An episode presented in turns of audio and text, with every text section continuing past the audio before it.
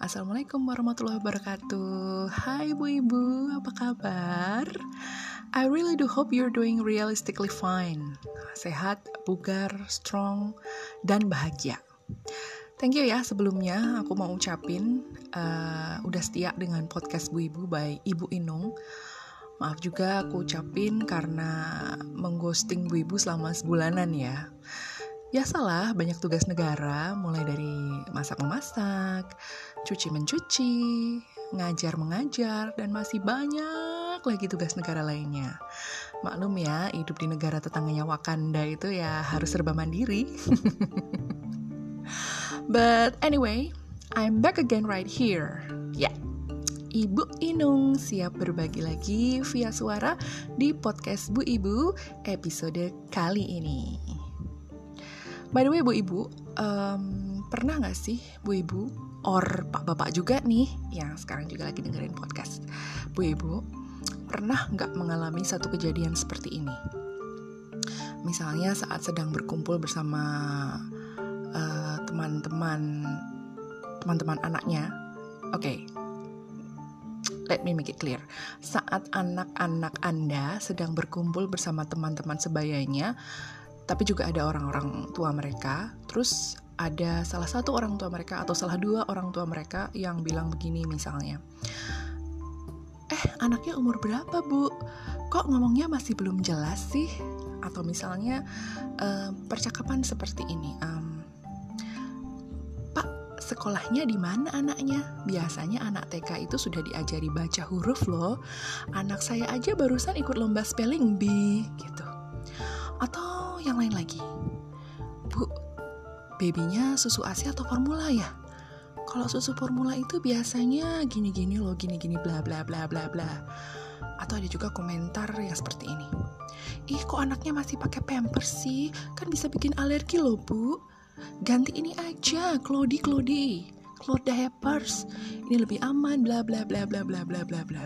Nah, gimana perasaan bu ibu? atau bapak-bapak yang dengar itu tanpa bu ibu dan pak bapak minta tiba-tiba ada yang nyeletuk seperti itu. Apakah bu ibu atau pak bapak merasa tersinggung? Or malah merasa bersalah karena yang dikatakan teman bu ibu itu benar menurut ibu? Atau justru merasa tertekan depresi? Merasa bahwa Anda menjadi ortu yang nggak bener gitu karena Anda-Anda tidak seperti yang teman-teman Anda katakan. Hmm, you know what, Bu Ibu, Pak Bapak, itu adalah beberapa contoh peer pressure di dunia orang tua, khususnya Bu Ibu ya. Banyak yang mengira peer pressure itu mencapai puncaknya saat uh, fase remaja. Tetapi sepertinya tidak. Nyatanya apa? sampai kita jadi orang tua, tekanan teman itu akan selalu ada.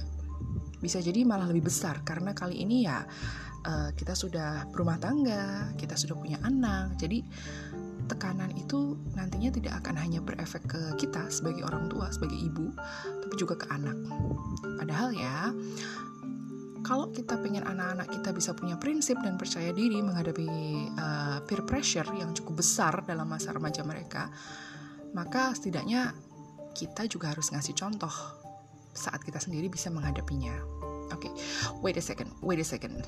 Mungkin agak-agak bingung ya, Bu Inung ini ngomongin apa sih? Uh, I'm talking about peer pressure uh, pada ibu-ibu. Tapi, ah, tar dulu Bu Inung, tolong jelaskan peer pressure itu apa?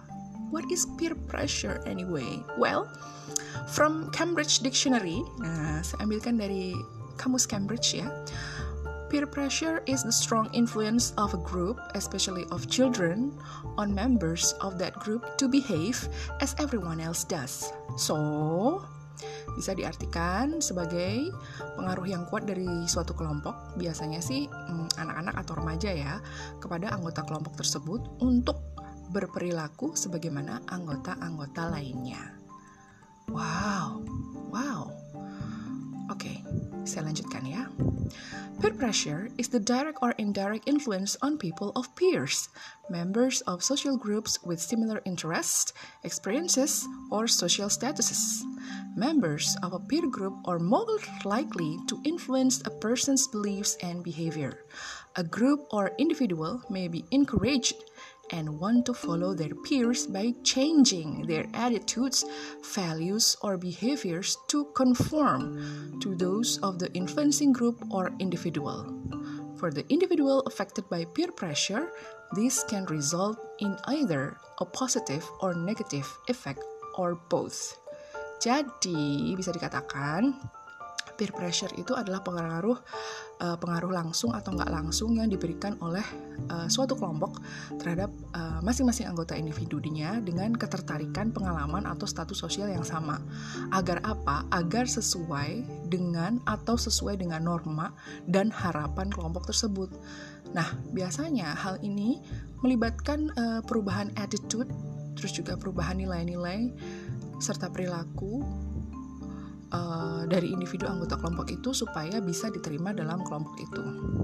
Nah, jadi bisa dibilang um, peer pressure sendiri merupakan sebuah momen di mana proses pengambilan keputusan seseorang itu mendapatkan pengaruh dari orang lain gitu loh, terutama dari kelompok sebayanya kayak gitu. Nah, artinya keputusan atau tindakan yang dilakukan itu bukanlah murni atas dasar keinginan sendiri, melainkan ada pengaruh dari satu atau mungkin bahkan beberapa temannya. Tujuannya apa sih? Tujuannya mengubah sikap, mengubah nilai-nilai moral, mengubah perilaku seseorang, apalagi jika berada dalam satu kelompok yang sama nih, misalnya uh, kelompok bu-ibu yang baru beranak dua, misalnya kelompok Mahmud alias mamah-mamah muda, misalnya kelompok bu-ibu uh, macan ternak gitu ya, mamah cantik antar anak gitu yang bisa antar jemput anak ya gitu. Jadi peer pressure ini sebenarnya bisa berefek positif ya kalau misalnya digunakan untuk memotivasi seseorang supaya berprestasi atau misalnya uh, mau berpartisipasi dalam kegiatan sosial atau komunal kayak gitu. Misal uh, biar bisa sehat bareng-bareng yuk bikin kelompok senam yuk misalnya kayak gitu. Zumba bareng aerobik bareng pilates bareng kayak gitu. Atau misal biar sama anggota makin rajin masak masakan di rumah para anggota kelompok ini rajin berbagi resep masakan satu sama lain. Bahkan mungkin bikin acara masak bareng resep baru gitu. Jadi kalau bisa gagal satu ya gagal bareng gitu.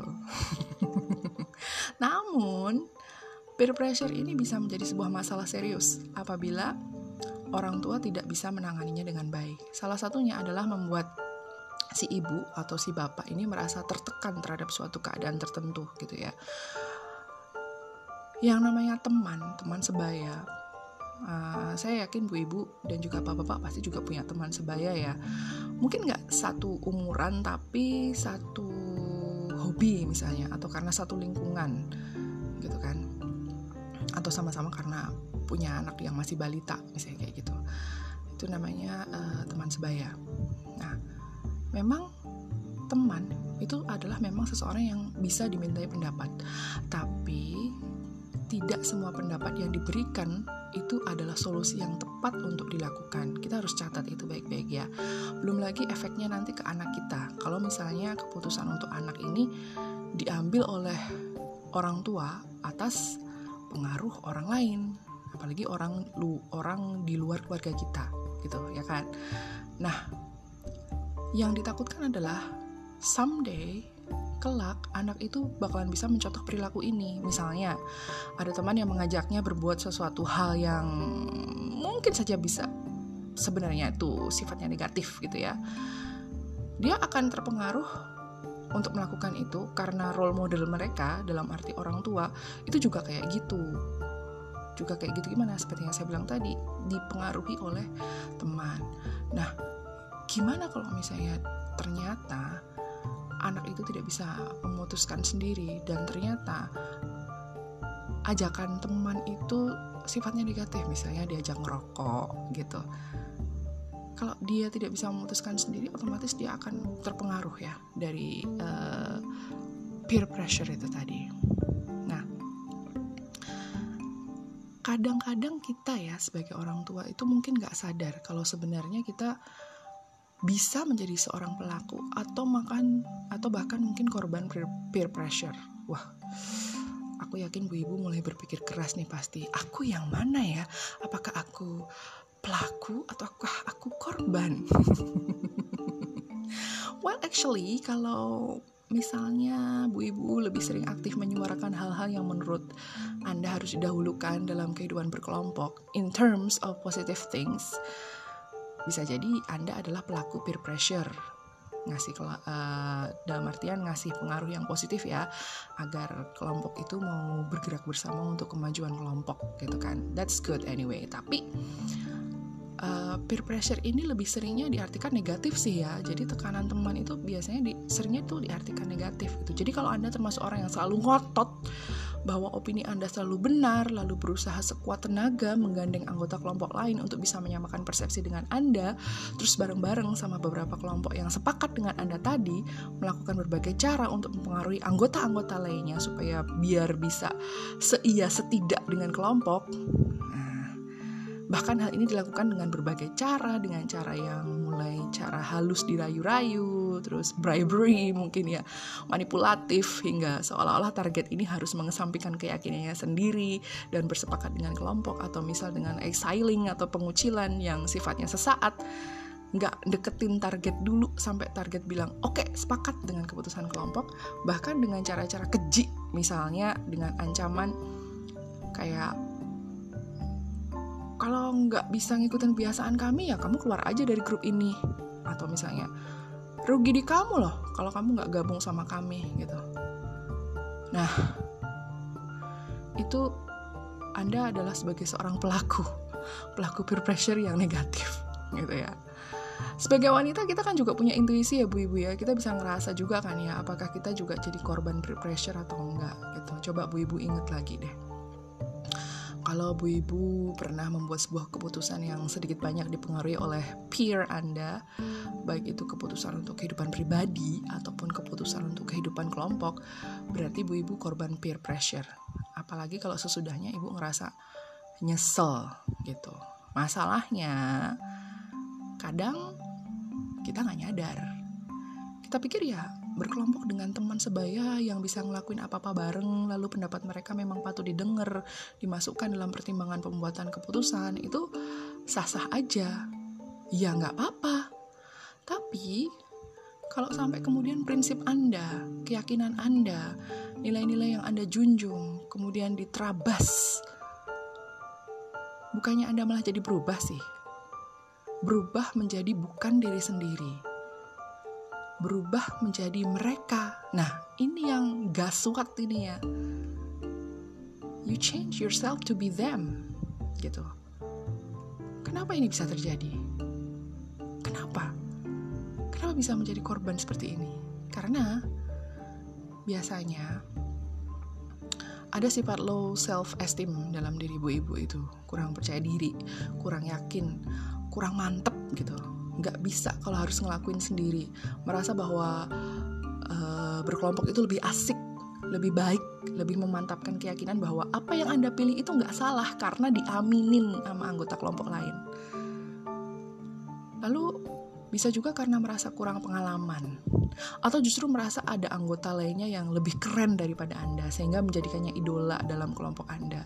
Bahwa Anda harus bisa seperti dia. Minimal sedikit menyapa menyamai apa yang dia punya ya. Apa yang dia pakai apa yang dia makan gitu. Nah biasanya seperti itu. Atau juga karena ada perasaan FOMO ya.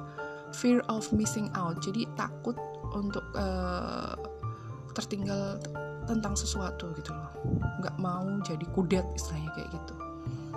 Lalu bisa juga karena bahwa perasaan rasa diterima itu juga jadi salah satu latar belakang kenapa kok bisa kena peer pressure.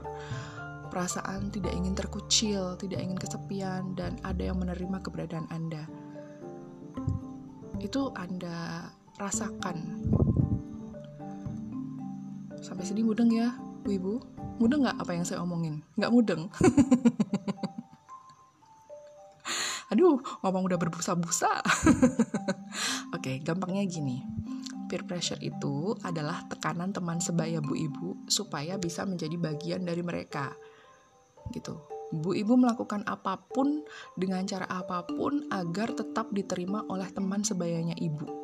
Karena ibu merasa kalau kehilangan teman sebaya itu berasa uh hell on earth gitu ya.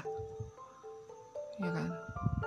Contoh aja nih, contoh, contoh, contoh aja nih. Ada yang namanya single peer pressure yaitu tekanan keluarga atau masyarakat yang dihadapi orang yang belum menikah yang masih single gitu. Sementara usianya semakin merangkak naik, ya kan. Bentuknya seperti apa? Bentuknya pertanyaan-pertanyaan. Jadi verbal biasanya.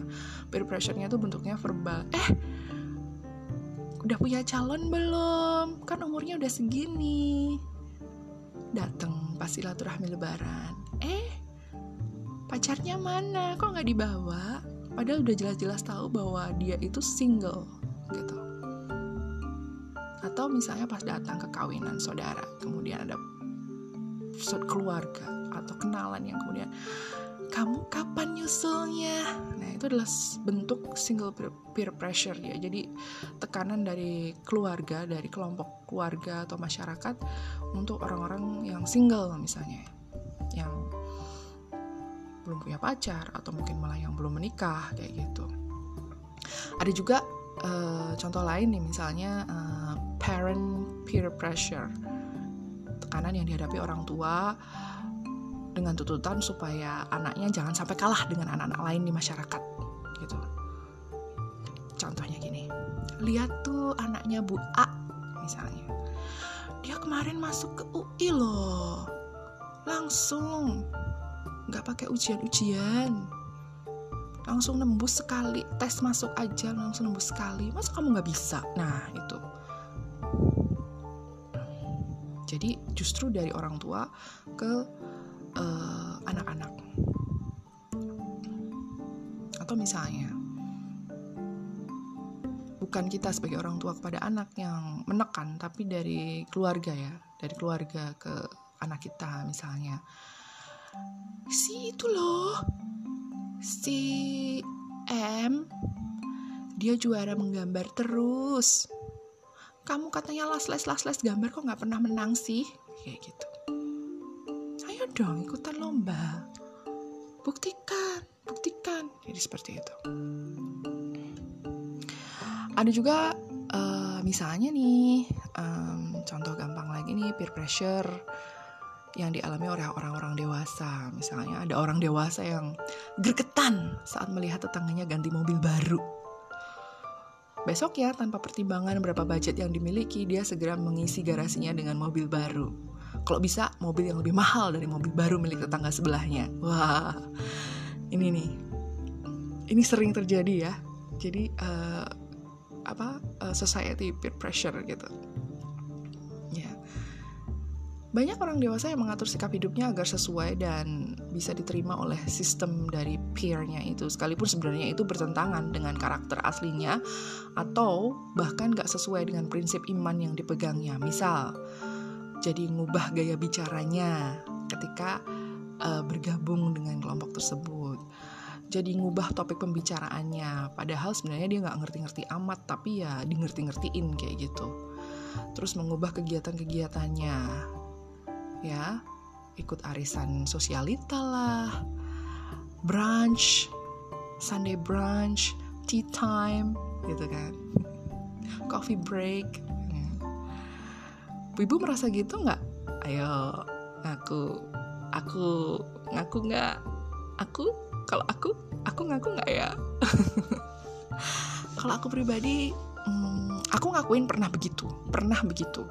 Berupaya supaya bisa diterima di sebuah kelompok sebuah komunitas gitu. But in positive way. I I made it in positive way. Like uh, when I was joining as broadcaster decades ago I did my best to be good friendly broadcaster karena itu pekerjaan saya dan aku harus mahir semahir teman-teman broadcaster yang lain.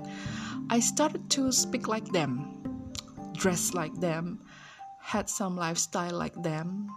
Tapi pengaruh yang aku dapatkan aku nilai memberikan efek positif terhadap aku sendiri karena aku jadi lebih berani, lebih confidence, kemudian I know my value gitu ya. Uh, I know I'm capable in this field of job gitu. Tapi Apakah selalu seperti itu? Nope.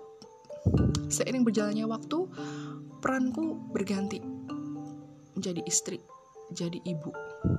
Pikiran untuk bikin acceptable by peer itu nomor sekian karena uh, prioritas saya adalah urusan anak-anak dan urusan rumah tangga.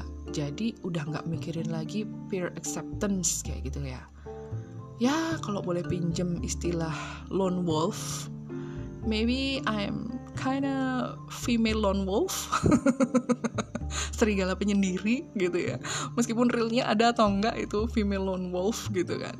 Yang saya pikirin adalah saat ini saya uh, bertambah usia. Semakin banyak yang harus saya kerjakan saya pikirkan dan juga saya rencanakan seiring semakin pendeknya waktu hidup saya di dunia gitu kan. Sementara anak-anak juga beranjak dewasa gitu kan. Saya mulai memikirkan ulang hidup saya dengan sungguh-sungguh gitu kan gitu. Lone wolf mungkin bisa cocok juga buat saya gitu kan. Serigala penyendiri gitu biasanya kan tertutup gitu kan mampu memotivasi diri dan sangat fokus dalam menyelesaikan tugasnya sendiri nah biasanya yang namanya lone wolf itu akan mencari target yang lebih apabila dia izinkan untuk melakukan sesuatu dengan cara mereka sendiri lone wolf tumbuh karena pilihan pengalaman dan tindakan individu saya juga begitu Meskipun tidak berlaku umum, biasanya orang-orang lone wolf itu biasanya introvert. Apakah saya introvert? Hmm, Not really. Yang jelas, lone wolf lebih banyak menghabiskan waktu sendirian daripada orang lain, terutama untuk big meetings kayak gitu ya. Tapi bukan berarti yang namanya lone wolf itu antisosial, enggak. It's just like more independence gitu loh untuk mengendalikan uh, kemauan kita sendiri gitu. Apalagi udah jadi orang tua yang anaknya banyak nih, anak saya empat gitu kan. Pressure dari luar itu hanya perlu didengar sesedikit mungkin kok untuk menjaga kita sendiri itu uh, keep on track gitu loh dengan keyakinan kita dengan keputusan kita gitu. Ya nggak sih? Ya nggak bu?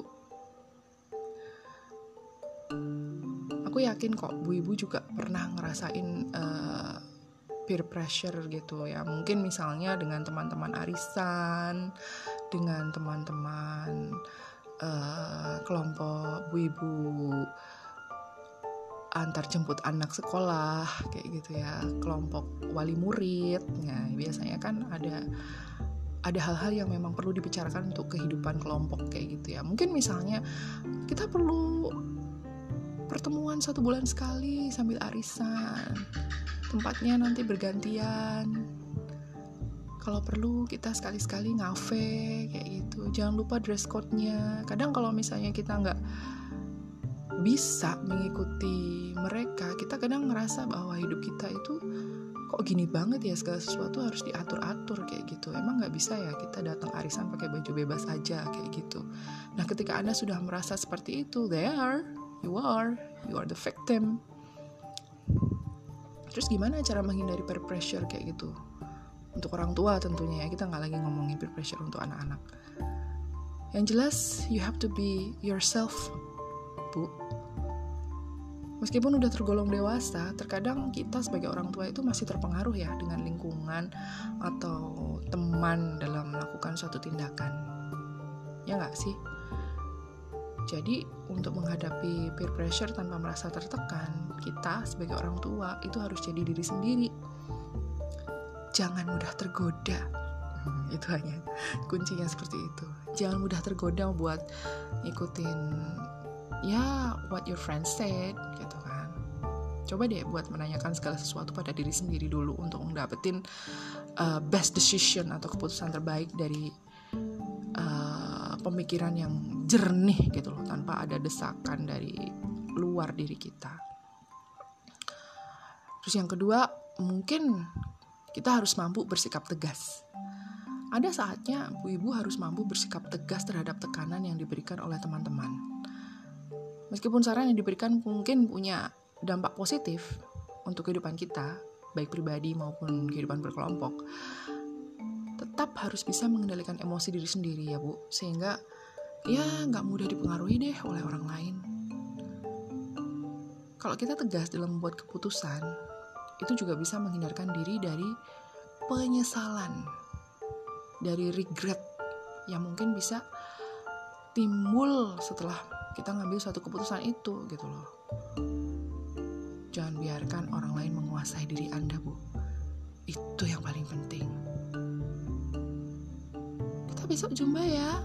Eh, kita Zumba yuk, bareng-bareng yuk nyobain Zumba mungkin Anda merasa bahwa Zumba nggak cocok dengan pribadi Anda misalnya, dengan karakteristik sifat Anda yang lemah lembut, gemulai, nggak cocok dengan musik Zumba yang uh, sangat energik kayak gitu. Anda cocoknya yoga yang tenang, vibe-nya tenang, uh, apa namanya, fokus ke diri gitu kan. Kalau memang Anda tidak bisa untuk mengikuti itu ya sudah maaf bu ibu saya nggak bisa zumba saya nggak bisa kalau harus goyang sana goyang sini rame-rame kayak gitu bu. Saya bisanya yoga. Maaf ya. This doesn't matter. You don't have to be like them. Sekaligus ini juga berarti anda sudah bisa menghargai diri sendiri. Ya kan? Karena untuk menghindari perasaan tertekan akibat peer pressure yang dialami, Anda harus bisa lebih menghargai diri sendiri, value yourself gitu kayak. Yakinkan bahwa teman yang baik mampu menghargai perbedaan pendapat dan juga menghormati keputusan yang diambil tanpa paksaan dari pihak mana pun. Ya. Kalau Anda sudah tegas, tidak plan dalam mengambil sebuah putusan, membuat sebuah tindakan, itu Anda mudah udah mulai menghargai diri sendiri kok jadi nggak memaksakan diri untuk bisa seperti mereka untuk harus jadi seperti mereka gitu bu bahwa aku merasa aku merasa lebih sehat dengan uh, beryoga misalnya kayak gitu. Aku merasa lebih sehat dengan uh, mendaki gunung refreshingnya bukan dengan berzumba misalnya. Aku merasa lebih uh, lebih senang kumpul-kumpul di waktu sore sambil ngeteh misalnya. Dengan melakukan aktivitas yang bermanfaat misalnya sambil uh, bareng-bareng ikut kelas online misalnya daripada hanya sekedar Sunday brunch kayak gitu. Nah, seorang ibu juga bisa mengurangi perasaan tertekan atau menghindari peer pressure dengan melakukan banyak aktivitas ya kan karena kalau misalnya nggak punya aktivitas apa pun gitu kan di rumah atau di luar rumah itu memang biasanya merasa lonely gitu kesepian kemudian merasa bahwa am I living in isolation? Atau apa istilahnya uh, apakah sedang dikucilkan atau bagaimana kayak gitu.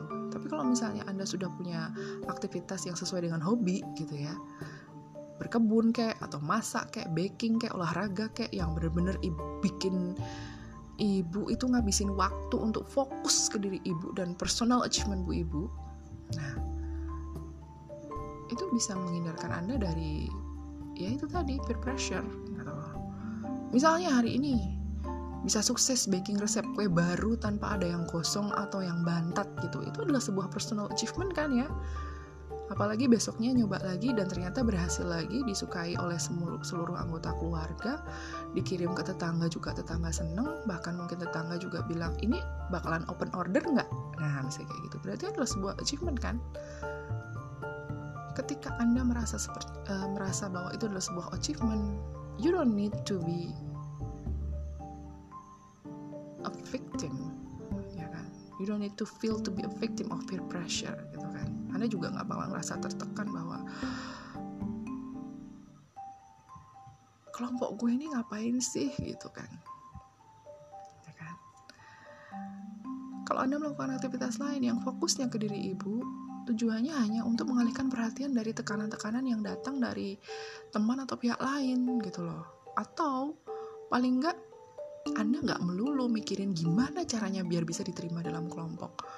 Nggak melulu mikirin besok disuruh pakai dress code warna hijau botol. Padahal aku nggak punya hijau botol.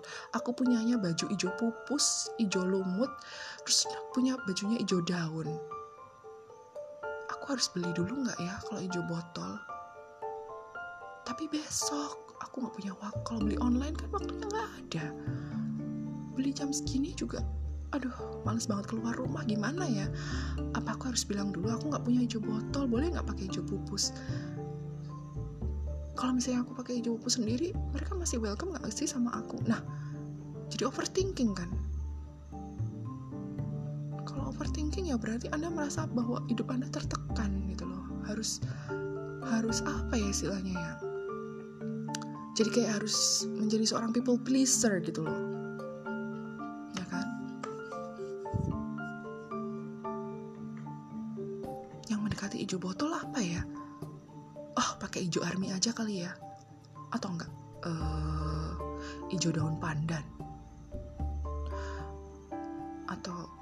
cake chiffon pandan?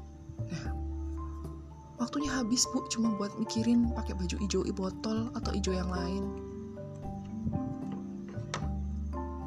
Padahal juga kalau udah datang pakai hijau itu juga bakalan nggak di nggak diperhatiin gitu loh. Ah bajunya bukan hijau botol nih. Ini ini bajunya hijau sprite. Aduh padahal kan sprite kan isinya putih ya bening ya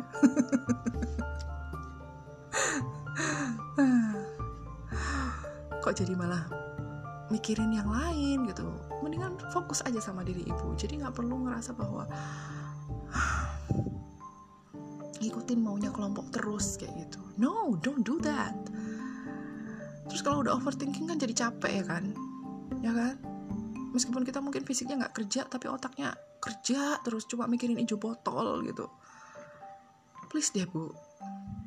Istirahat aja kalau gitu ya ya istirahat yang cukup itu juga berperan penting loh dalam menyeimbangkan emosi di dalam kehidupan sehari-hari Selain itu, yang namanya tidur itu juga dipercaya bisa mengembalikan tenaga, menciptakan jiwa yang optimis, yang teguh kukuh berlapis baja.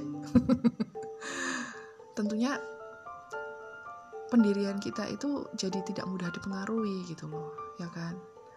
Believe it or not, tidur di siang hari juga bisa menghindarkan dari kelelahan fisik dan juga pikiran loh.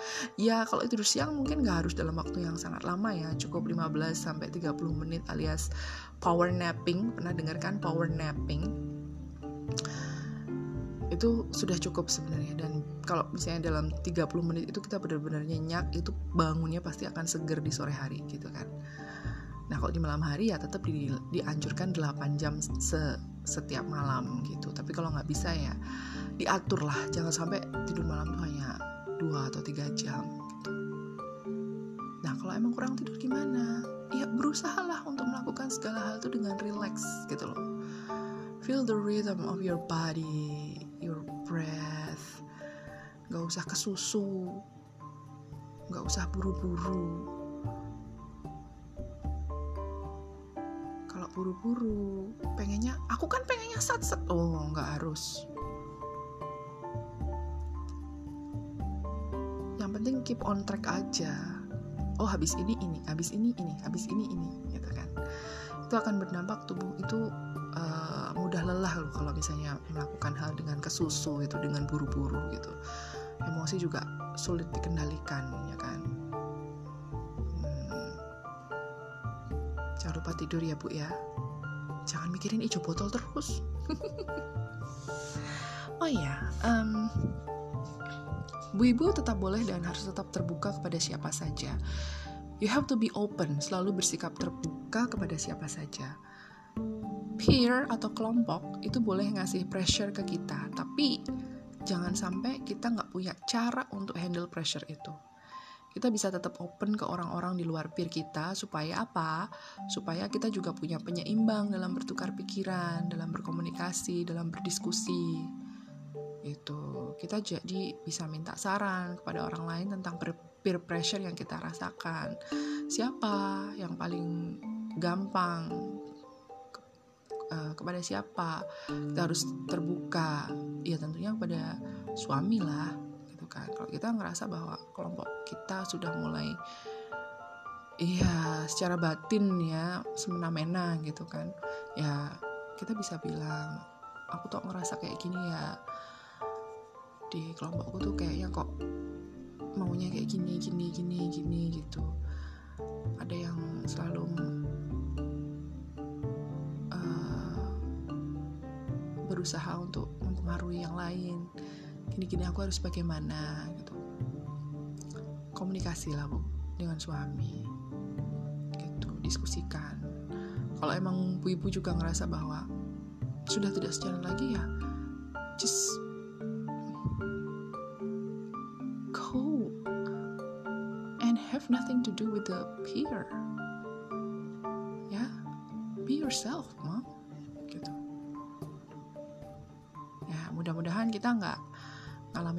pressure ini ya bu ibu ya apa yang kita lakukan adalah apa yang sesuai dengan keyakinan, dengan nurani, dengan akal sehat dan juga kepercayaan diri kita ya.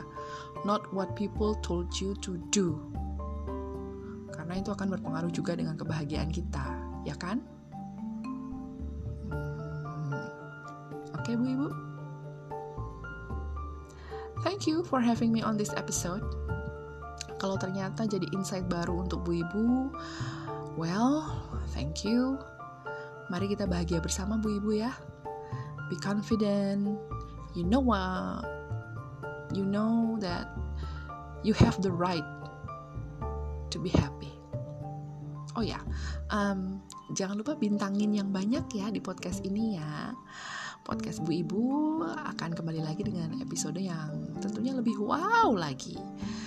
Jangan lupa bisa kasih respon juga via DM di podcast Bu Ibu di akun IG-nya podcast Bu Ibu atau ke akun IG pribadi saya Nur Aini underscore Chandra Dewi.